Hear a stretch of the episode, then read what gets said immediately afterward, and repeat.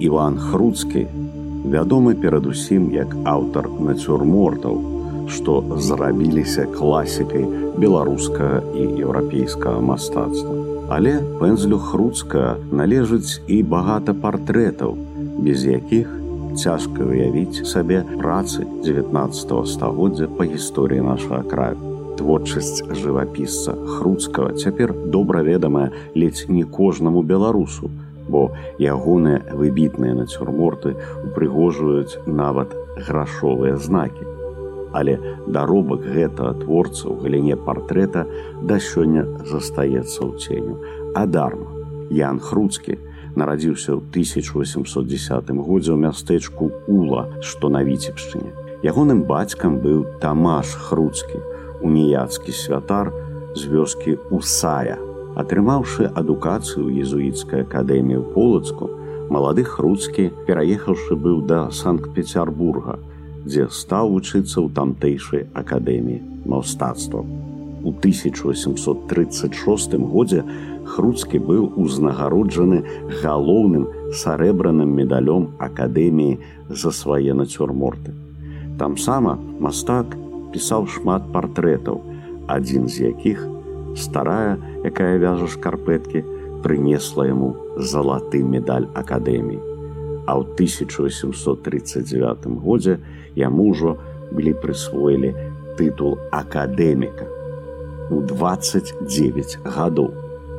Пасля смерці свайго бацькі святара ў 1740 годзе хруцкі назаўсёды пакінуў санкт-петербург і вярнуўся на радзіму ва ўласны маёнтак захарнічы под полацкам. Тое, што мастак меў дачыненне да духавенства, знайшло адлюстравання ягоных шматлікіх твораў. Гэта партрэты апошняя уніяцкая мітрапаліта Ясафата Булгака, уніяцкіх, а пасля праваслаўных біскупаў Васіля Лужынскага, Йосифа Сямашкі, Антонія Зука ды многіх іншых святароў.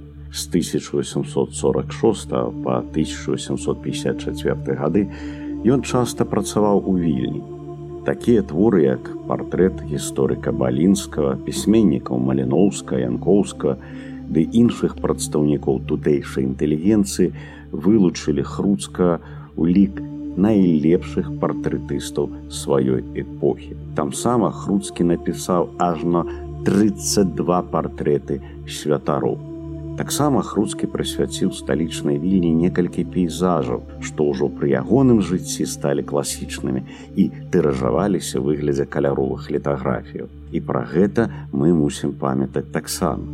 Да самай сваёй смерці ў 1785 годзе Іван Хруцкі не пакідаў сваіх захарнічаў, дзе сярод іншага ён напісаў дзясяткі святых абразоў праваслаўных і каталіцкіх менавіта там дарэчы быў напісаны славуты абраз святого казімера што зберагаецца цяпер у зборы літоўскага нацыянальнага мастацкага музея імя чорлёніца каўнася. Святарскі ж род хруцкіх цяпер ужо праваслаўны працягваў быць адным з самых шматлікіх на полачыне і віцебшчыне. Пакуль у 1920 гады духоўная дынастыя не абарвала савецкая ўлада. На біяграфію хруцка прыпалі ўсе драматычныя падзеі 19 стагоддзя, войны, паўстанні, ліквідацыя святой уніі, што перапляліся з ягоным асабістым лёсам.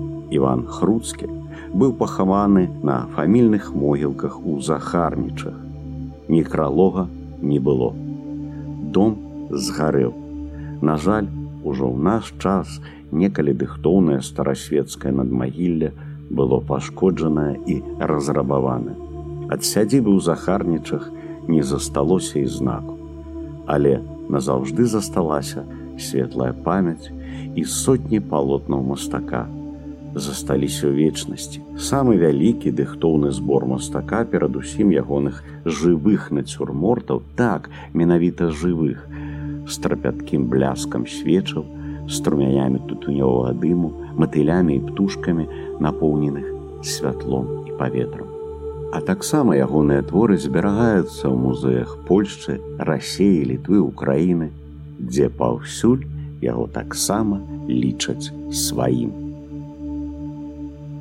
Наполеон Орда нарадзіўся 11 люта 1807 году у родавым маёнтку варацевічы пінскага павету мінскай губерні. Цяпер гэтая вёска в іванаўскім раёне на берасцейшчыне. У сямі маршалка шляхты кобрынскага павету інжынера фартыфікатара Михала Орды, які даў сыну імя французскага імператора. Ягонае імя мусіць ведаць кожны беларускі лінгвіст.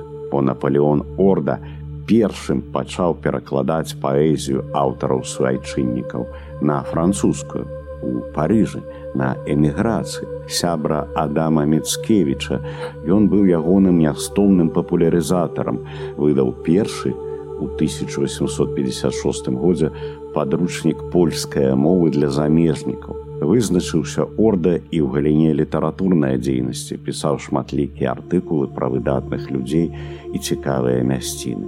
Ягонае імя мусіць ведаць кожны беларускі музыколог ці кампазітар піяніст і кампазітар наполеон орда ў сярэдзіне 1840х гадоў быў дырэктарам італьянская оперы ў парыжы.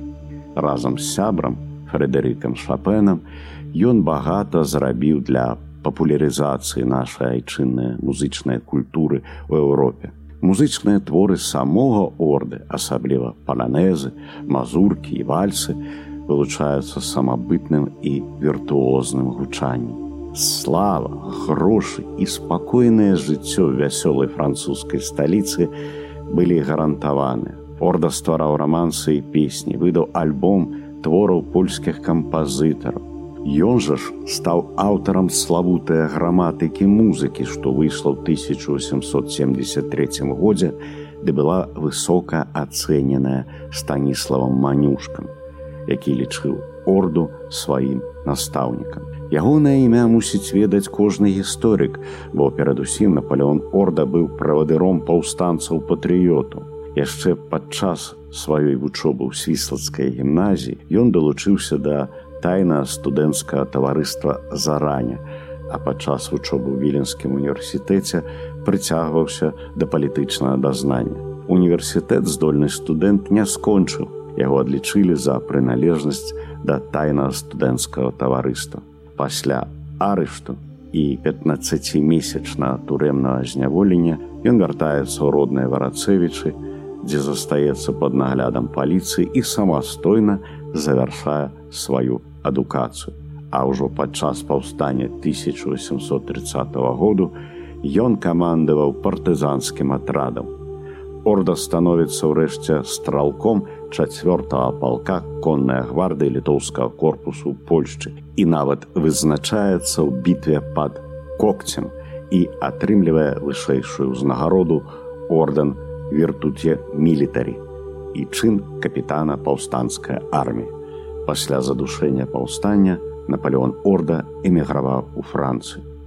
Ягонае імя мусіць ведаць кожны беларускі архітэктар ці рэстаўратар, бо Орда шмат падарожнічаў па ўсёй Беларусі, нястомна рабіў архітэктурныя шкіцы найбольш значных помнікаў, замалёўкі мясцінаў, знітаваных жыццём выбітных асобаў, славутых помнікаў старасведчання. У Парыжы Орда атрымаў мастацкую адукацыю студыі вядомага майстра архітэктурнага пейзажу П'ера Жэрара, які і вызначыў ягоны мастацкі жанр.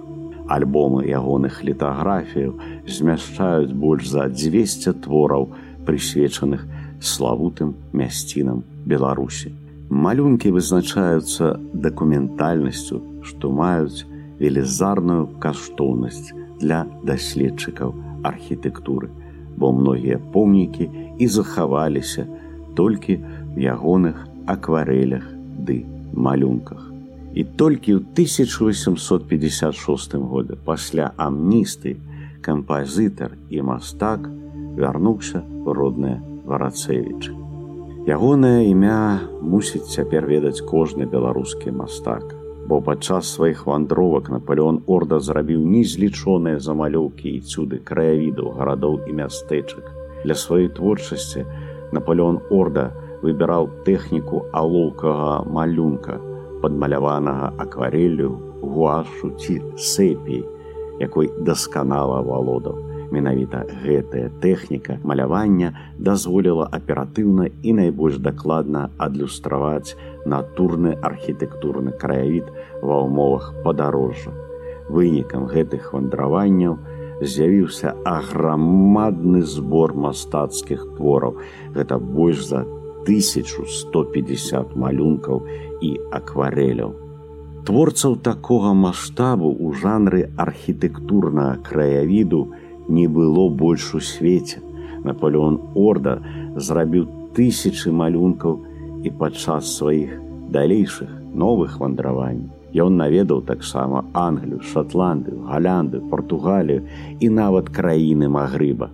Ён нястоўна працаваў, абіраючы для адлюстравання краявіды, што былі напоўненыя недасяжнай велічу прыроды, што несла ў сабе гэтулькі неспасцягальна. Горы, даліны, паўразбураныя замкі і гожыя пастаралі.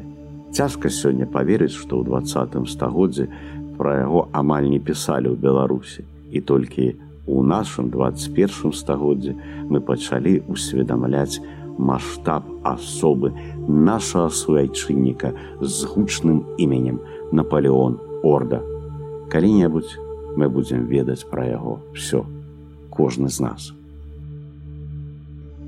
жывапісец станіслав жукоўскі нарадзіўся фальварку ендрыхоўцы у ваўкавыцкім раёне на гарадзеншчыне. Прынамсі гэтак пішуць ягоныя біографы.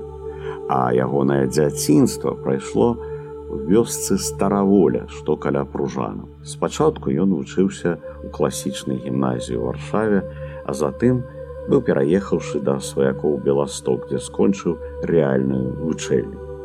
У 1892 годзе Жукоўскі ўпершыню трапляе ў рассею дзе да 1901 году займаецца ў маскоўскай вучэльні з жывапісу скульптуры і дойлідства. Ледзьве пачаўшы прафесійную навуку, Станіслав Жукоўскі бярэ ўдзел у 1895 годзе ў выставе перасоўнікаў. У тым самым годзе ён атрымаў прэмію за свой пейзаж травень на конкурсе таварыства гожых мастацтваў а ўжо ў наступным годзе атрымоўвае дзве прэміі за работы красавіцкі вечар і восеньскай ноччу. Вось гэты поспех сведчыў пра большае.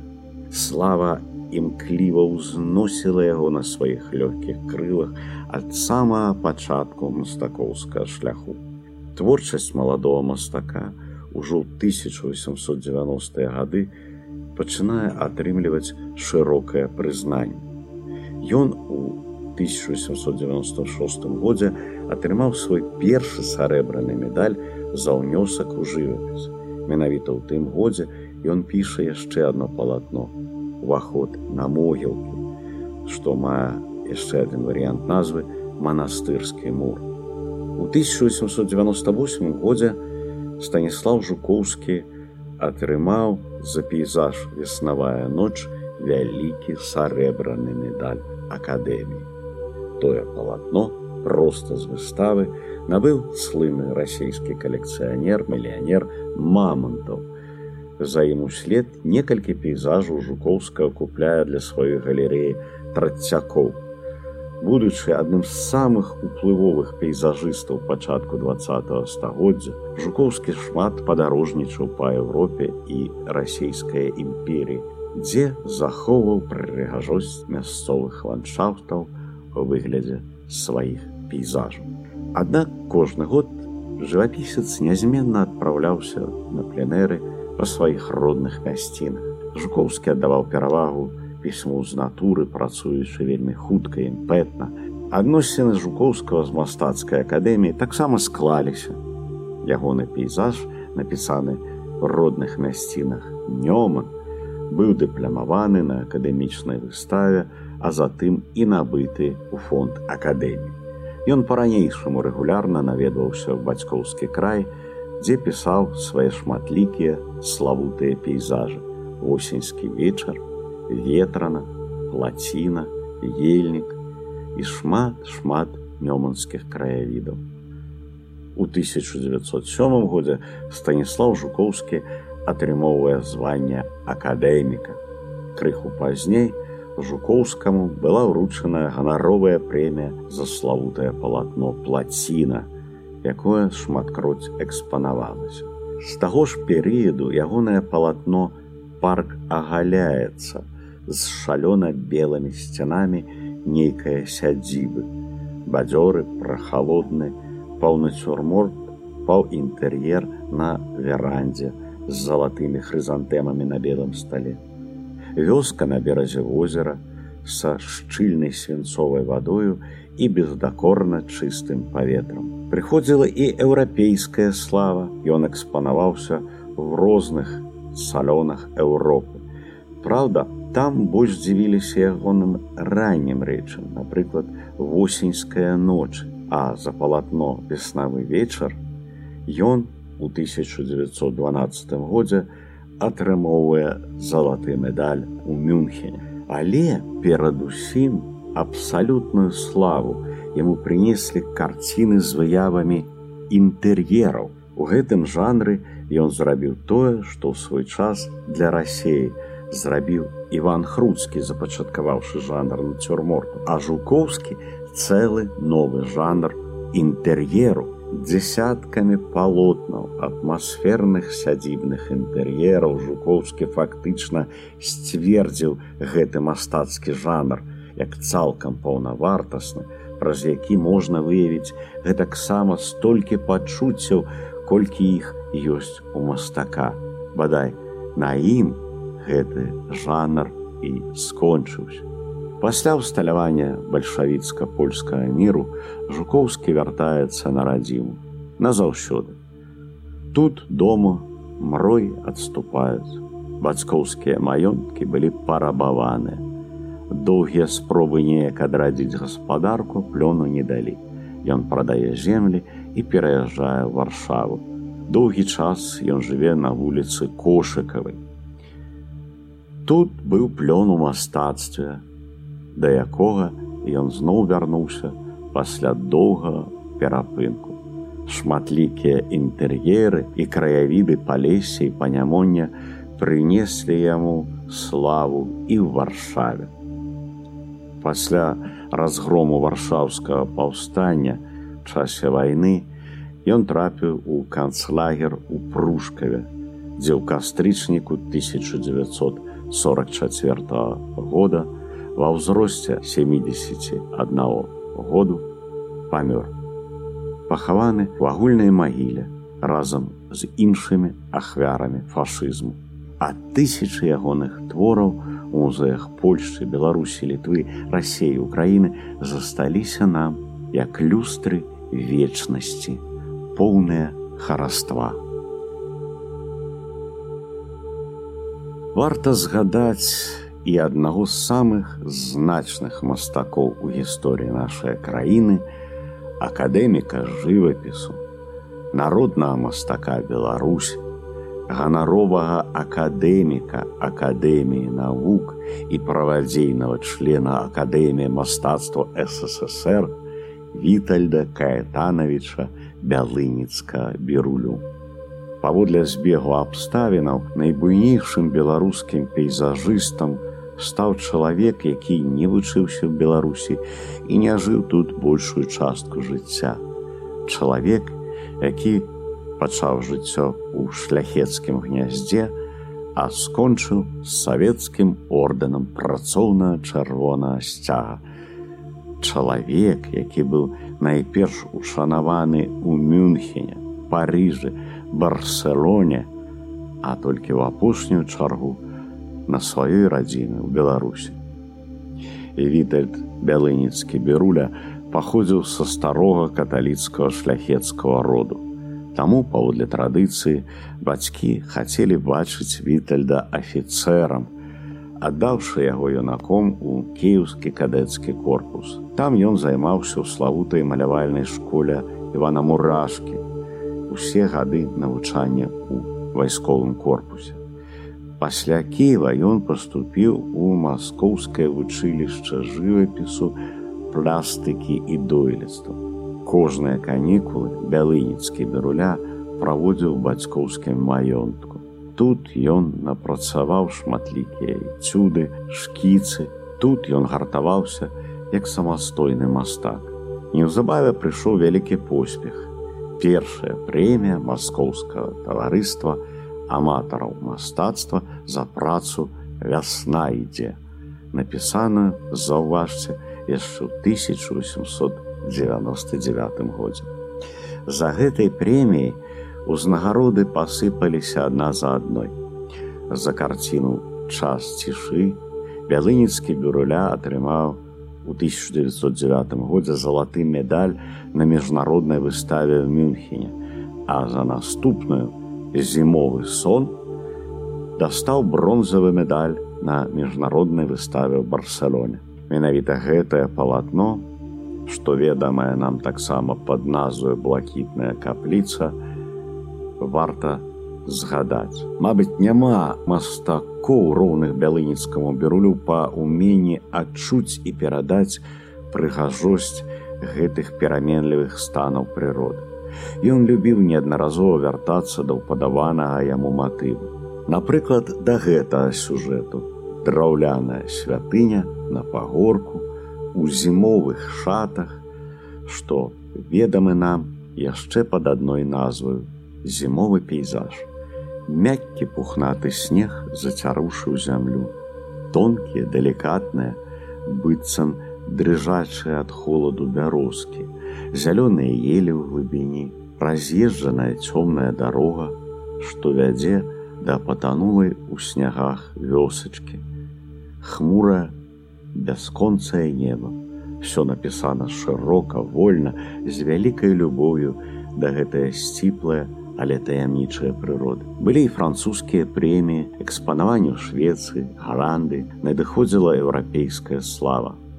У бялыніцка берулі няма карцінаў шумных, бурных, напружаных па ўнутраным дзеянь.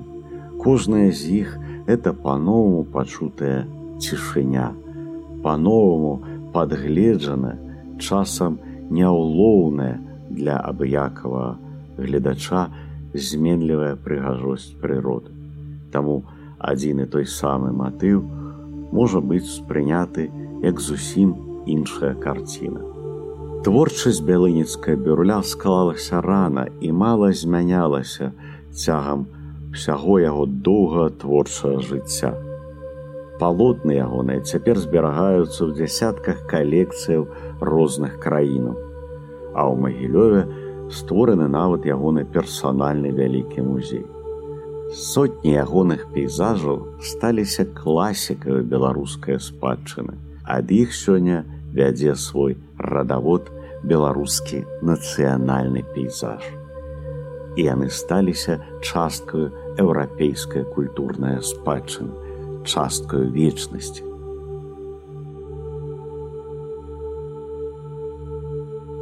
Яўген Жак нарадзіўся ў мястэчку магільна над Нёманам, што на вуздзеньшчыне.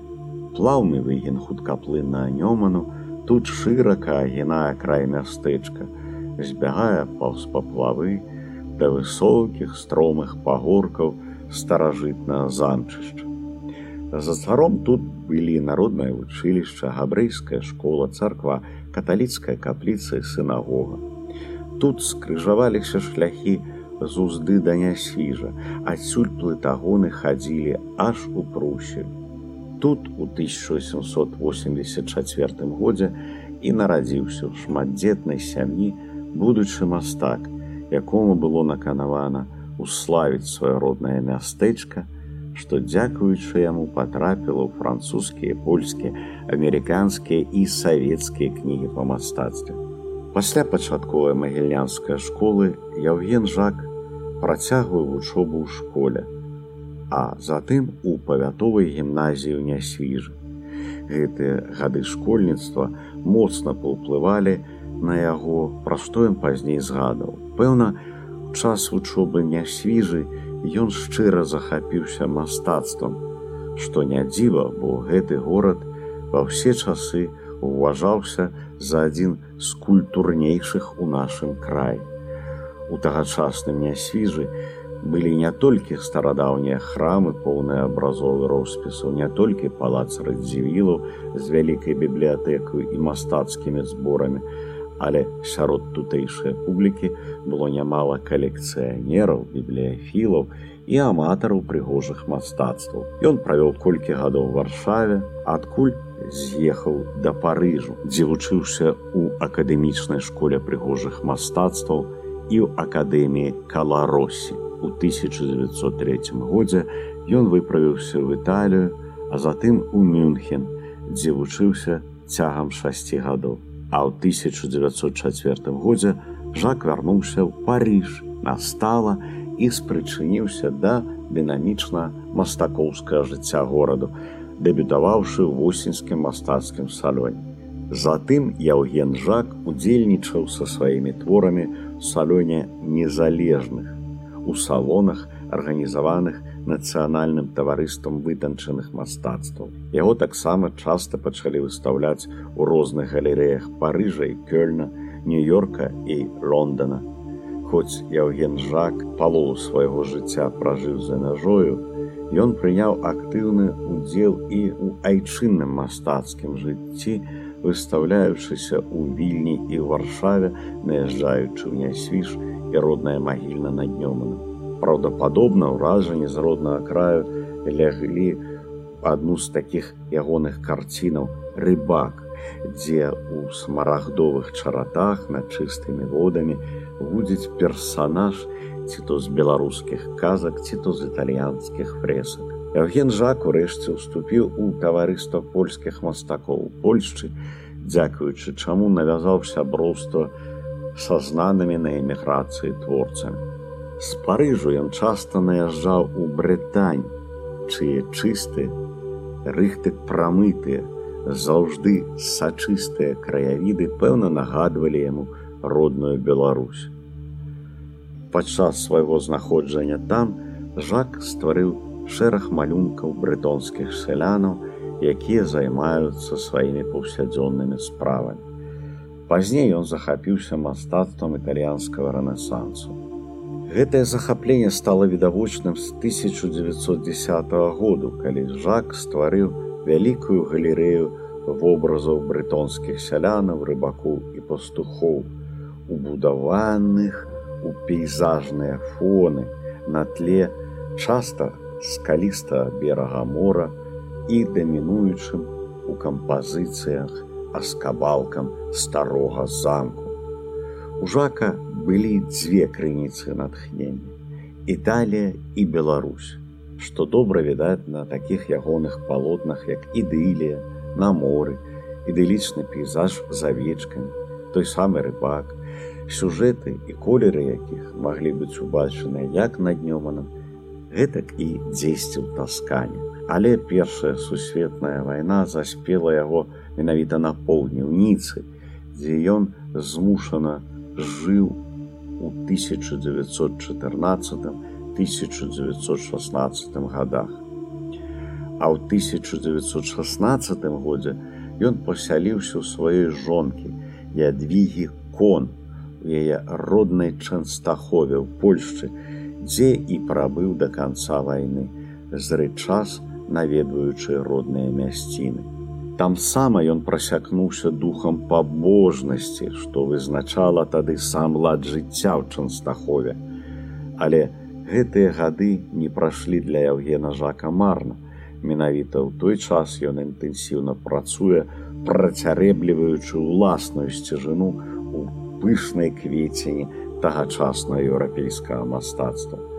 Жак у сваёй творчасці аддаў належнае і неакалесіцызму, і ардыко і ўрэшце экспрэсіянізму, праз які ў канчатковым выніку прыйшоў да ўласнага кшталту. Ён амаль не маляваў з натуры, всё зробленае ім ён вынаходзіў у лабірынтах памяці і ўяўлення.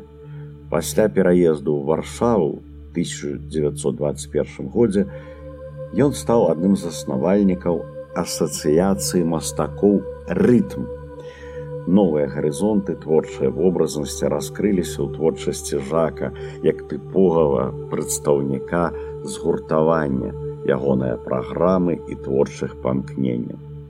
Яўген жак хоць і паходзіў з Беларусі, гэтая важная акалічнасць адбілася на ягонай творчасці ускосна, не гэтак відавочна, як напрыклад у шагала.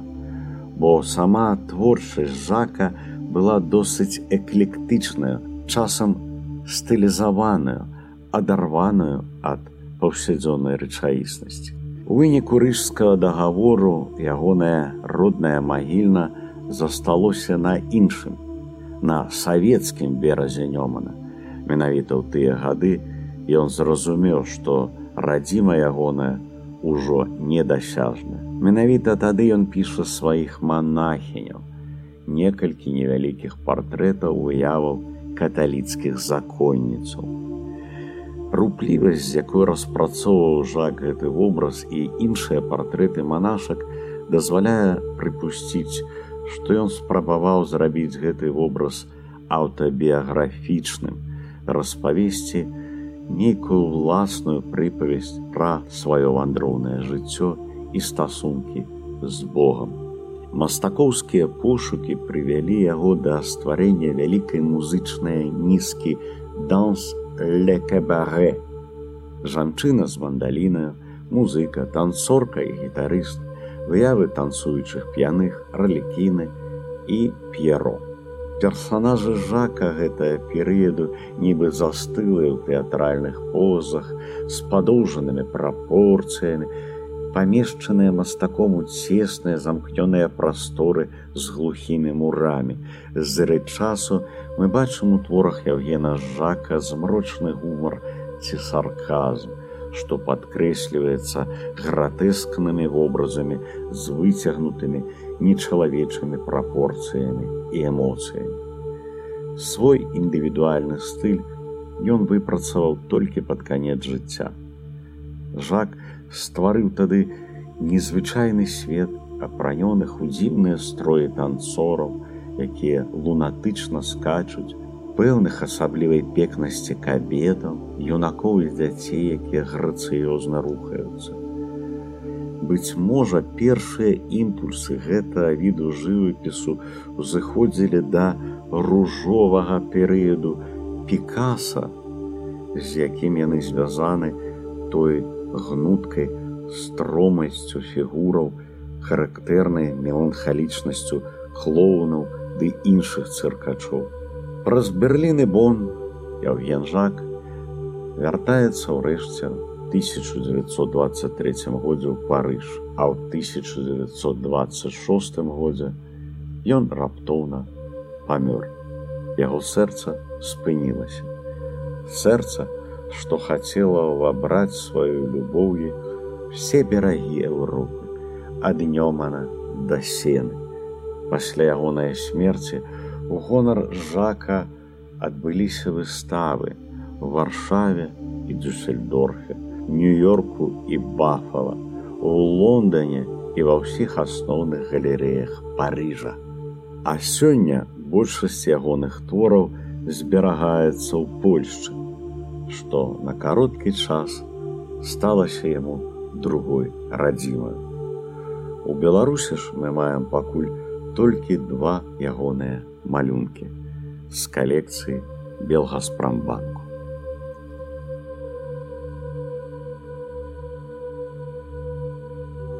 Віцебск, дзе нарадзіўся Марк Шагал у 1887 годзе, непарыўна знітаваны з ягоным імем.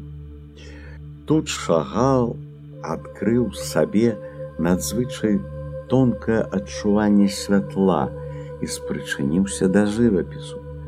Атрымаўшы асновы мастакоўскай адукацыі у віцебскага майстра Юдаля Пена, юнак вырашыў з'ехаць у Санкт-Пецярбург, каб вучыцца далей правучыўшыся пэўны час у некалькіх мастацкіх школах, а таксама ў вядомага тагачасна мастака Леона Бакста, яшчэ аднаго нашага земляка родам з гродна і палічыўшы, што Расія ўжо дала яму ўсё, што магла, Марк Шагал з'ехаў у Парыж.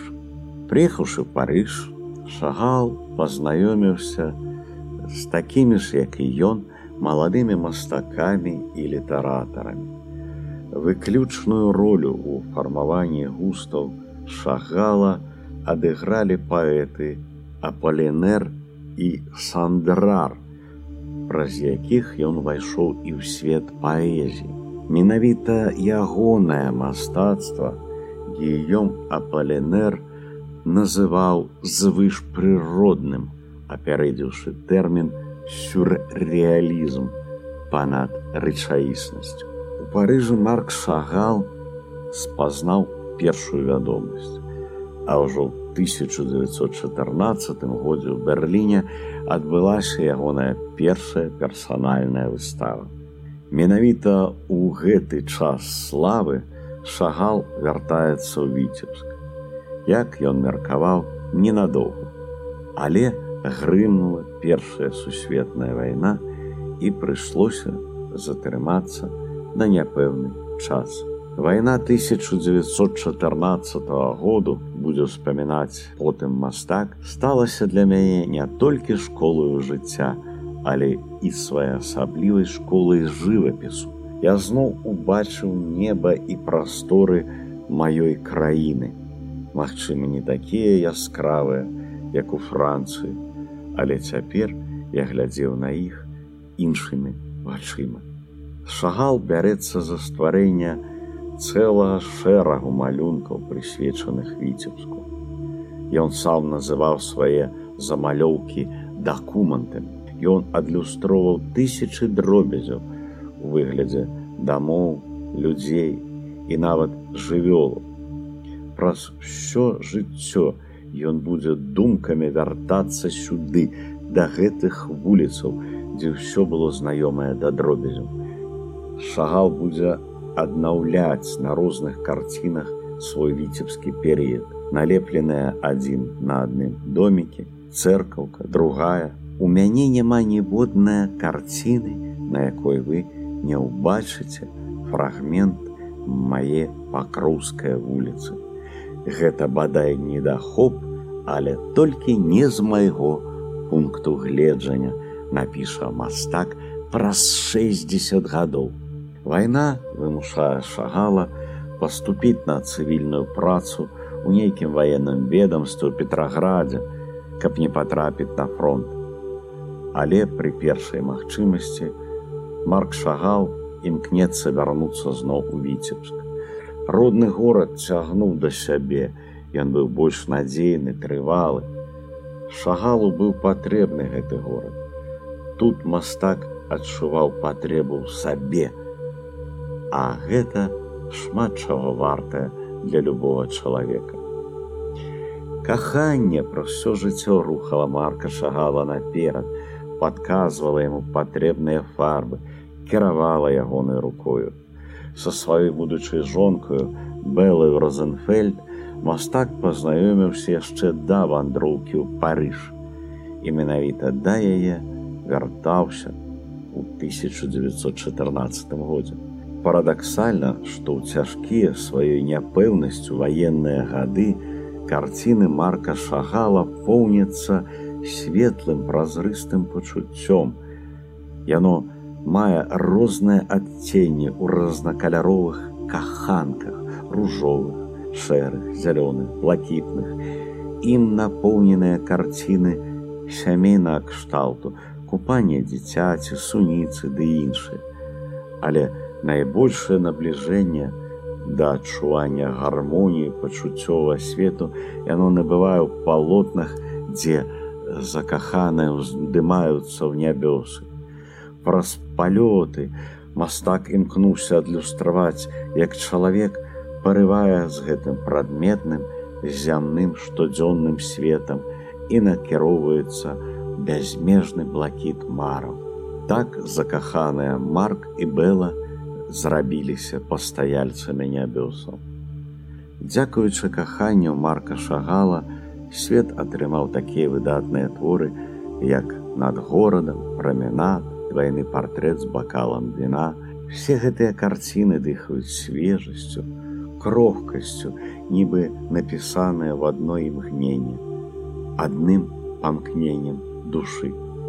Рэвалюцыя заспела марка шагала ў Петраградзе, і ён успрымаў яе не толькі як сацыяльны катаклізм, колькі як духоўны пераварот, які вызваліць асобу. Яе думкі замацуе сапраўдную свабоду мастацкіх уяўленняў. Менавіта таму ён так актыўна уключыўся ў рэвалюцыйнае будаўніцтва. Першая звязаная з шагалам падзея мастацкага жыцця віцебску гэта святкаванне першых угодкаў кастрычніцкай рэвалюцыі сабраўшы ўсіх тутэйшых мастакоў і іх вучняў, новы упаўнаважаны па справах мастацтва маркшагал усім знайшоў працу. Ён вырашыў здзівіць гаражанам. Велізарныя карціны, плакаты, вайна палацам, вершнік ды іншыя былі размешчаны на цэнтральных вуліцах, а на плошчы над саборам узнесліся ў вышыню разнакаляровыя каровы, козы, людзі, Ачышчальны віхор рэвалюцыі змёў усе перашкоды, а коні гэта чалавечая мара, маладая і зялёная, як квітнеючы сад, зялёная, як маладая надзея. Гэтак апісаў сваю задуму сам шагал. Рэвалюцыйная тэма не вельмі прадстаўленая ў творчасці марка шагала. Таму што шмат часу займала ягоная дзейнасць па стварэнню віцебску, мастацкая школы. У касавароцы са скураным партфелем пад пахаю успамінаў потым шагал. Я выглядаў тыповым савецкім служачым. Можна з пэўнасцю сцвярджаць, што віцебская мастацкая школа цалкам дзіця марка шагала. Яна пачала сваю працу зімою 1919 году. Ён запрасіў сюды лепшых і розных мастакоў, што прадстаўлялі ўвесь спектр мастацкіх накірункаў таго часу. Акрамя школы планавалася адкрыццё музею сучаснага мастацтва, нават творы для экспазіцыі былі набытыя, але не прайшло і дзвюх гадоў, як марк шагал назаўжды з'язджае з віцебска і з краіны наогул. З'ехаўшы за мяжу, шагал першай справаю, скончыў свае ўспаміны маё жыццё. Апошні запіс у іх датычыў ад'езду з бацькаўшчыны. Цытую: Мой горад памёр, пройдзены віцебскі шлях. Так напісаў мастак яшчэ да 1922 года. Але калі б не было гэтага шляху, не было і самога шагала, ён разумеў гэта, а таму хутка крыўда змянілася на ностальгію. Жывучы ў парыжы, шагал здабыў сабе сусветную славу, працуючы плённа ва ўсіх відах і жанрах мастацтва, ад кніжнай ілюстрацыі да манументальных роспісаў. За што сярод інша мы мусім шанаваць шагала, апроч ягонай любові да нашага краю, што ён пранёс праз усё сваё жыццё перадусім за тое, што менавіта ён стварыў тую мадэрную сучасную мастакоўскую адукацыю, што існуе ў нашай краіне. Ягоная народная школа мастацтваў была пераўтвораная ўрэшце у беларускі мастацкі тэхнікум, што пасканчалі дзясяткі нашых славутых мастакоў, а нават пісьменнік Васіль быкаў. А пасля другой сусветнай вайны колішнія выкладчыкі і вучні з віцебска стварылі сістэму прафесійнай мастакоўскай адукацыі і ў сталіцы у менску што дзейнічае да нашых дзён. Сярод іншых творцаў непасрэдных сведкаў рэвалюцыйных падзеяў варта згадаць і владзіслава страмінска паплічніка малевіча якого называюць адным з бацькоў польскага авангарду. Владзіслаў Страмінскі нарадзіўся ў Менску ў 1893 годзе. хрысцілі яго ў менскім архікатэдральным касцёле панны Маріі. Жыў малым на ляхаўцы на цяперашняй вуліцы беларускай, тады гарбарнай. Скончыў гімназію Менску. У сваіх успамінах ён згадваў драўляную хату на берагах свіслачы, дзе правёў дзяцінства. Уладыслаў Страмінскі скончыў паўлаўскую артылерыйскую вучэльню ў Маскве, што на той час лічылася прэстыжнай знакавай, бо давала магчымасць не толькі вайсковай кар'еры, што для дробнага шляхціца было прэстыжна, але і грунтоўную інжынерную адукацыю. Але ў часе ягонай вучобы пачалася першая ўсясветная вайна. Страмінскі ўдзельнічаў у баявых дзеяннях на беларускім палесе і на валожаншчыне. Каля вёскі першаі быў моцна паранены, скалечаны на ўсё жыццё. Застаўся без нагі і рукі, пакутваў ад фантомных боляў, не мог карыстацца пратэзамі і да канца жыцця хадзіў на мыліцах. Страмінскі лекаваўся ў шпіталях у Маскве, дзе яго выцягнула з таго свету расейская полька, мастачка кацярына кабро, яго будучая жонка.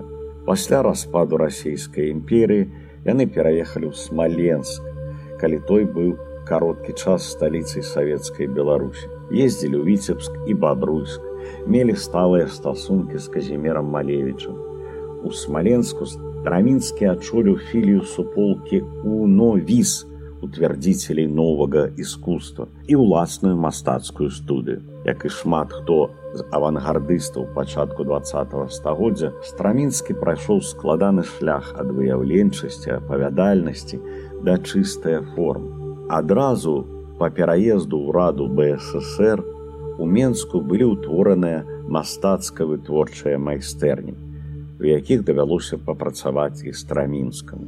На ягоную думку, як і ягоных паплечнікаў землякоў, менавіта Менск павінен быў стаць цэнтрам гэтага усясветна рэвалюцыйнага мастацтва будучынь. Пасля рыжскага міру, пабыўшы каротка ў Менску, страмінскі перабіраецца на польскі бок да малодшага брата у вілейку, а затым у польскі горад лодзь.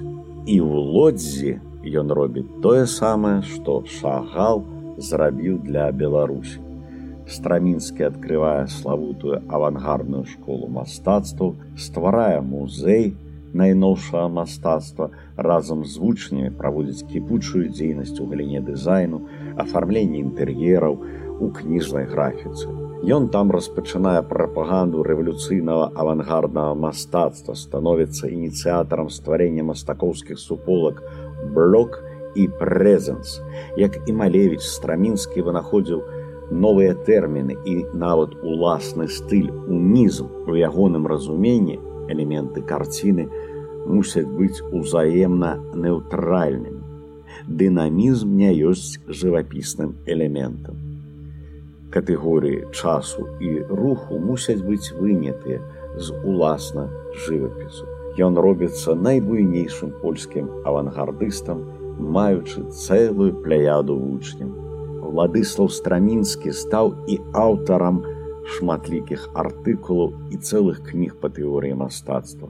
Лодзь у паваенны час была буйным правысловым цэнтрам, а Страмінскі лічыў, як і многія мастакі таго часу, што мастацтва павінна пайсці на фабрыкі. І ў лодзі ён дажыў да канца сваіх дзён што праўда, камуністычная сталінская Польшча часоў берута не надта ласкава да яго паставілася.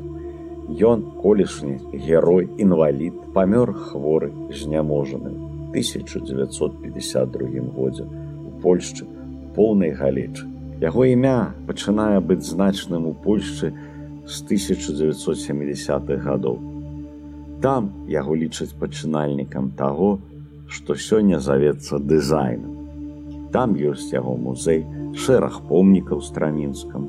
Яго выявы выбівалі на манетах. Цяпер ён славуты ва ўсім свеце і лічыцца найвыбітнейшым мастаком Польшчы два стагоддзя. У беларускі кантэкст яго імя пачало ўваходзіць толькі ў 90-е гады. Мастакі Беларусі неаднаразова выступалі за тое, каб назваць імем старамінска вуліцу Менску, зрабіць яму мемарыял. Невялікі помнік ўсё ж зрабілі ў вілейцы. Паза летась нацыянальная камісія Польшчы па Оскары і польскі інстытут кінамастацтва вылучылі на прэмію амерыканскай кінаакадэміі за найлепшы фільм на замежнай мове стужку рэжысёра Анджая Вайды пасля віды, галоўным героем якога стаў наш земляк авангардыст владзістаў страмінскі ролю якого бліскуча выканаў богуслав лінда фільм распавядае пра час пасля другой усесветнай вайны калі мастацтва авангардызму трапіла ў няласку да польскіх сацыялістычных уладаў і пра страмінска якога тагачасныя камуністычныя ўлады зацкавалі да смерці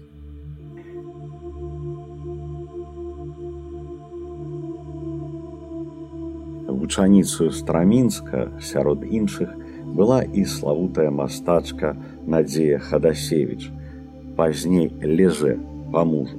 Яна нарадзілася ў беларускай вёсцы асецішчы што цяпер у докшыцкім раёне на віцебшчыне.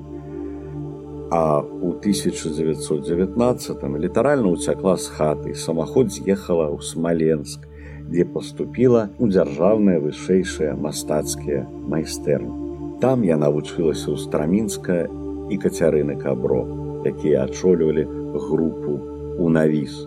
На пачатку 1920-х гадоў Надзея Хадасевич, як удзельніца ў новіс тварыла ў духу супрэматызму. У 1922 годзе Надзея Хадасевич з'язджае са смаленску ў варшаву, скарыстаўшыся правам уцекачоў з заходняя Беларусі. Два гады яна працавала пакаёўкую польскай сям'і і была мадзісткаю ў капялюшных майстэрнях. У адначассе займалася ў акадэміі мастацтваў і вывучала варшаўскія музейныя зборы.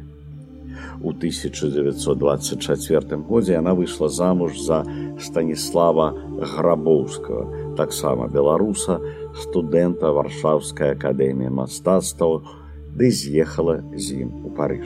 Там яны разышліся. Другім мужам надзеі стаў Фернан Леже. У 1920-30 гады яна шмат дапамагала яму манументальных і дэкаратыўных працах, павялічвала ягоныя эскізы, асіставала яму ў акадэмію. Тут сама пасябравала з геніямі, мастаком Павлам Пікаса і з архітэктарам Ле Карбюзье. Леже Хадасевич наладзіла выданне часопіса сучаснае мастацтва, што выходзіла адразу на дзвюх мовах французскай і польскай. Яе эсэ і артыкулы ёсць выбітнай крыніцаю для вывучэння гісторыі і тэорыі мастацтва, у тым ліку і беларуска міжваенная эпохі. У часе другой сусветнай вайны яна засталася ў Францыі і прыняла ўдзел у антыфашысцкім супраціве. У 1944 годзе яна нават вступіла ў саюз савецкіх патрыётаў і ў саюз дапамогі былым ваеннапалонным, зладзіла выставу аўкцыён мастакоў для дапамогі удзельнікам рэзістансу. На адкрыцці 10 з'езду кампартыі Францыі у 1945 годзе экспанаваліся ейныя манументальныя партрэты сяброў ЦК выкананыя паводле гуашу фернана леже. Я гавару пра ўсё гэта каб было зразумелым чаму асоба надзеі леже хадасевич была гэтак прыязна ўспрынятая у ссср яна карысталася тут выключнай папулярнасцю. Сябравала з брэжнеўскай міністаркай культуры фурцавай першая кніга яе ўспамінаў выйшла ў Маскве ўжо ў 1978 годзе. Савецкія ўлады вельмі шанавалі і часта запрашалі ў ССР, дзе яна была шматкроць у 1960-70 гады. На падставе ўражанняў ад гэтых ваяжаў яна напісала безліч палотнаў, кшталтам калгасніца, таджыцкія музыкі, ды гэтак далей. Надзея лежэтым часам падаравала музеям Беларусі і рассеі некалькі жывапісных працаў свайго мужа і свае малюнкі, палотны і мазаічныя партреты больш за 60 штук. Дарэчы, яна ж падаравала і нашаму мастацкаму музею Менску калекцыю твораў Павла Пікаса, сябрука іхнай сям'і. Таксама яна прэзентавала беларускім школам вялікую колькасць рэпрадукцыяў карцінаў з лура, што склалі спачатку вялікую перасоўную выставу, што ў 70-тыя гады вазілі па гарадах і вёсках Беларусі. Дарэчы, сёння апроч музеяў Польшы, рассеі і Францыі, яе выдатныя творы, мазаічнае пано можна ўбачыць і школе мястэчка Зэмбін, што на барысаўшчыне, дзе па вайне жылі яе сваякі, ды якіх яна некалькі разоў адведвала.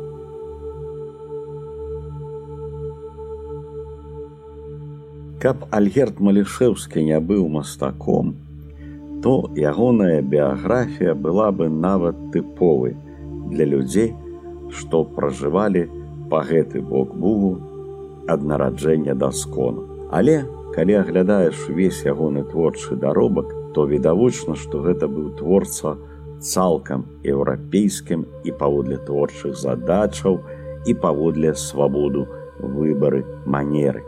Але калі аглядаеш увесь ягоны творчы даробак, то відавочна, што гэта быў творца цалкам еўрапейскі і паводле сваіх творчых задачаў і паводле свабоды выбару сваёй манеры. Нават абавязковыя творы на ўсюды існую савецкую тэматыку атрымліваліся в яго непадобнымі да іншых мо таму, што ў сваіх заўсёдных летуценнях ён бываў недзе далёка-далёка ад паўсядзённасці, мо і ў красавіцкім парыжы, а мо ідзе на апенінах. Бо адкуль тады бралося гэта міжземнаморскае паветра, гэта бліскавічнае сонца, што плавіць паветра у ягоных творах. Пра Малішэўска пісалі шмат яшчэ пры жыцці, Ужо 1956 годзе ён браў удзел у всесаюзнай мастацкай выставе. Ягоны жывапіс быў рана ацэнены і ўхвалены у сярэдзіне 1970х у пару лірычнага адступлення ад сацрэалізму выходзілі і буклеты і цянькія альбомы з ягонымі творамі. Ён быў ездзіўшы і за мяжу і насамрэч бываў у Паыжы. Малішэўскі пачаў вылучацца сярод іншых тагачасных мастакоў сваёй эрудыцыі, шырынёй сваіх творчых небасягаў.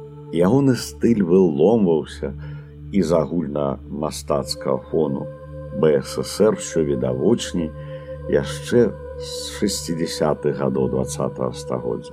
Альгерт Малішэўскі адзін з тых, хто сцвердзіўся ў тыя гады, што былі пераломным этапам для савецкага жывапісу, часам нараджэння новых формаў мастацкай мовы і новых дэідэалігізаваных сюжэтаў. Ён Малішэўскі станавіўся ўсё больш адметным. Пагадоў, што ён атрымаў мастакоўскую адукацыю, у залатой Украіне ў Харкаве, дзе былі трывушчыя традыцыі расійскага імпрэсіянізму перадусім вітальнага жывапісу Машкова.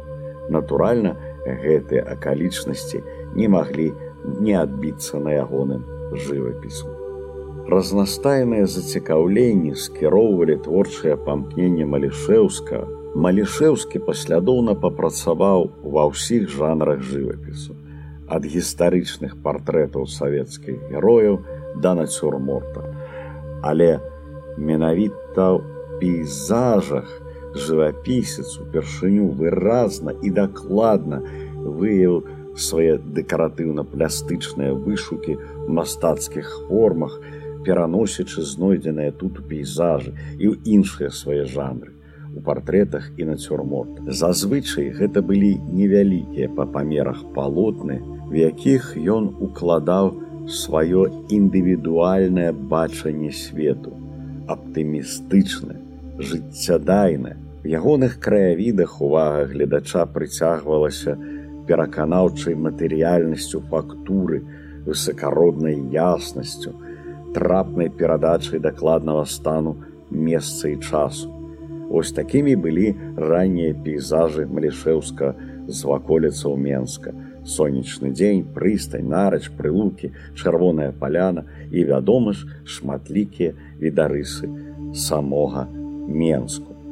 Малішеўскага дакаралі за няўвагу да малюнка за кампазіцыйную сырасць у палотнах, а мастак толькі адмахваўся і працягваў рабіць тое, што яму падабалася, а менавіта, пісаць фарбамі. Малішеўскі казаў: мяне часта папракаюць, у цябе ўсё колер ды колер. А хіба існуе жывапіс без колеру? Колер гэта вобраз. У кожным кавалачку палатна павінен спяваць жывапіс. Што ж да ўласна малюнка, то ён, як правіла, рэдка служыць у мяне самастойным выяўленчым сродкам. Ахвяруючыся ўласнай славою тым часам алішеўскі выгадаваў цэлую генерацыю беларускіх мастакоў. А мо ён недаякая славы і не імкнуўся. Амо ўсё жыццё ён нарадзіўшыся тут па гэты бок буга пражыў у нейкай далёкай і гожай краіне сваіх летуценняў і творчых вычуванняў.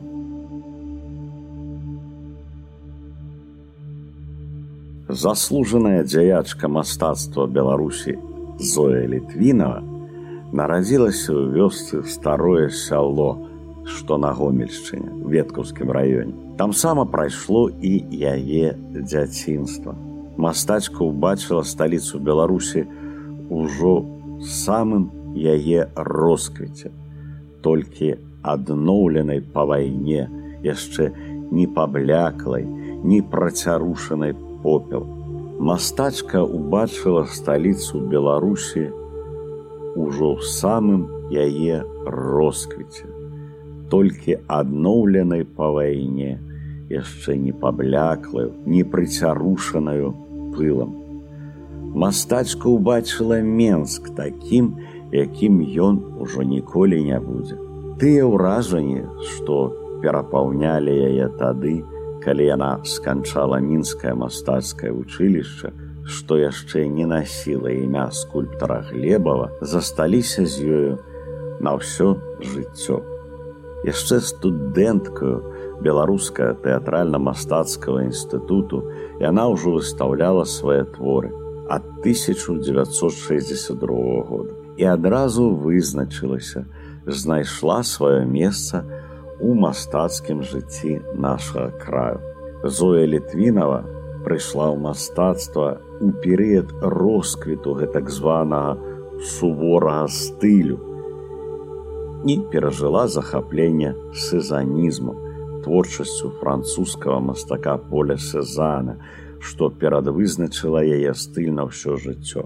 Але галоўнае сваё крэда, як выпускніца славута манументаліста, гаўрылы вашчынкі, яна вызначыла пазней, апрабаваўшы ці не ўсе формы манументальнага мастацтва ад энкаўстыкі да габелену. Нашы выбітныя класікі манументалісты Гаўрыла Вашчынка і Александр Кішчанка сталі яе галоўнымі настаўнікамі.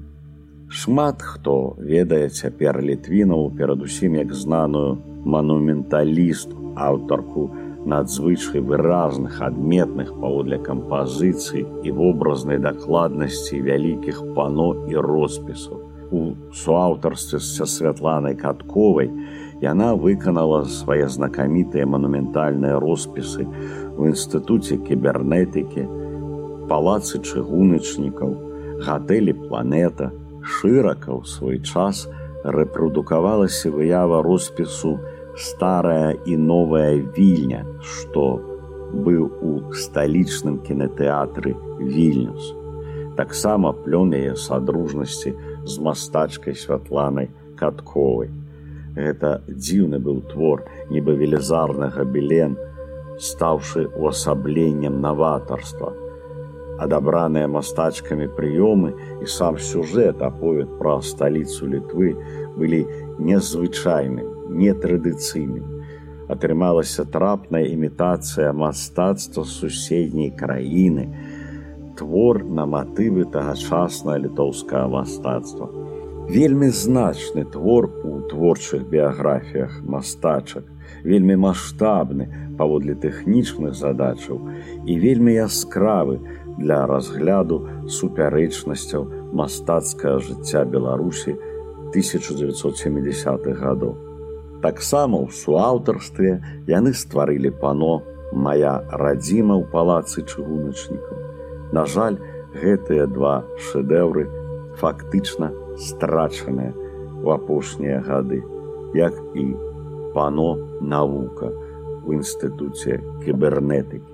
Ужо пачатку 1970-х гадоў складаецца вельмі адметная жывапісная манера літвінавай падкрэсленае памкненне да манументалізму, чысціня каляровыя гамы, дамагаючыся натуральнасці колераў, мастацка аддавала перавагу супастаўленню іх на халсце, яе жывапіс, у якім інтэнсіўнасць колеру відовішчны эквівалент інтэнсіўных эмоцыяў і сутнасці існага ўвогуле вылучаецца тут на абагульненым тле, што імкнецца да зялёных і брунатных таноў каляровага спектру. Мой Менск, напісаны зояй літвінавай у 1974 годзе, дэманструе самыя адметныя рысы яе жывапісу. Панарама старажытнага гораду, карагод чырвоных дахаў, бляск ракі, патанаючыя ў зеляніне дамкі, а панад усім лунае амаль прывідная, не раўнуючы палярнае ззяння, сама опера, сакральнае месца, а на пярэднім плане двайны аўтапартрэт. З аднаго боку сама мастачка ля эцюдніка, з інша яна ж з дзіцём. У выніку манументальны эпічны аповед набыў прыватныя лірычныя ноты. Сярод яе манументальных твораў варта згадаць і роспіс капліцы святое Марыі у касцёля мястэчка Хопгартен у Аўстрыі, зроблены 1995 годзе. Дарэчы, там сама у Аўстрыі адбылася першая персанальная выстава жывапісу Зоі літвінавай Цікавасць да хрысціянскай тэматыкі стала характэрнай рысою творчасці зоі літвінавай у наступныя гады. Так паўсталі такія палотны, як таемная вячэра, вяртання заблукаўшага сына, мадонна ды іншыя творы, што сёння зберагаюцца ў мастацкіх калекцыях розных краінаў па ўсім свеце. А ў 2005 яна атрымала, французскі ордэн мастацтва і літаратуры. А ўжо сёлета быў прэзентаваны маштабны праект знак творчай волі у нацыянальным мастацкім музеі Беларусі. самы важны праект для мастачкі. У чатырох вялікіх залах мастацкага музея былі прадстаўленыя больш за 100 жывапісных, графічных і акварэльных твораў з калекцыі музея і збору самой мастачкі зоі літвінавай выкананых ёю пераважна за апошнія 40 гадоў. Зоя літвінова прайшла доўгі і невераемна насычаны шлях да таго ўзроўня які сёння ведаюць і любяць не толькі беларусі але і далёка за яе межамі.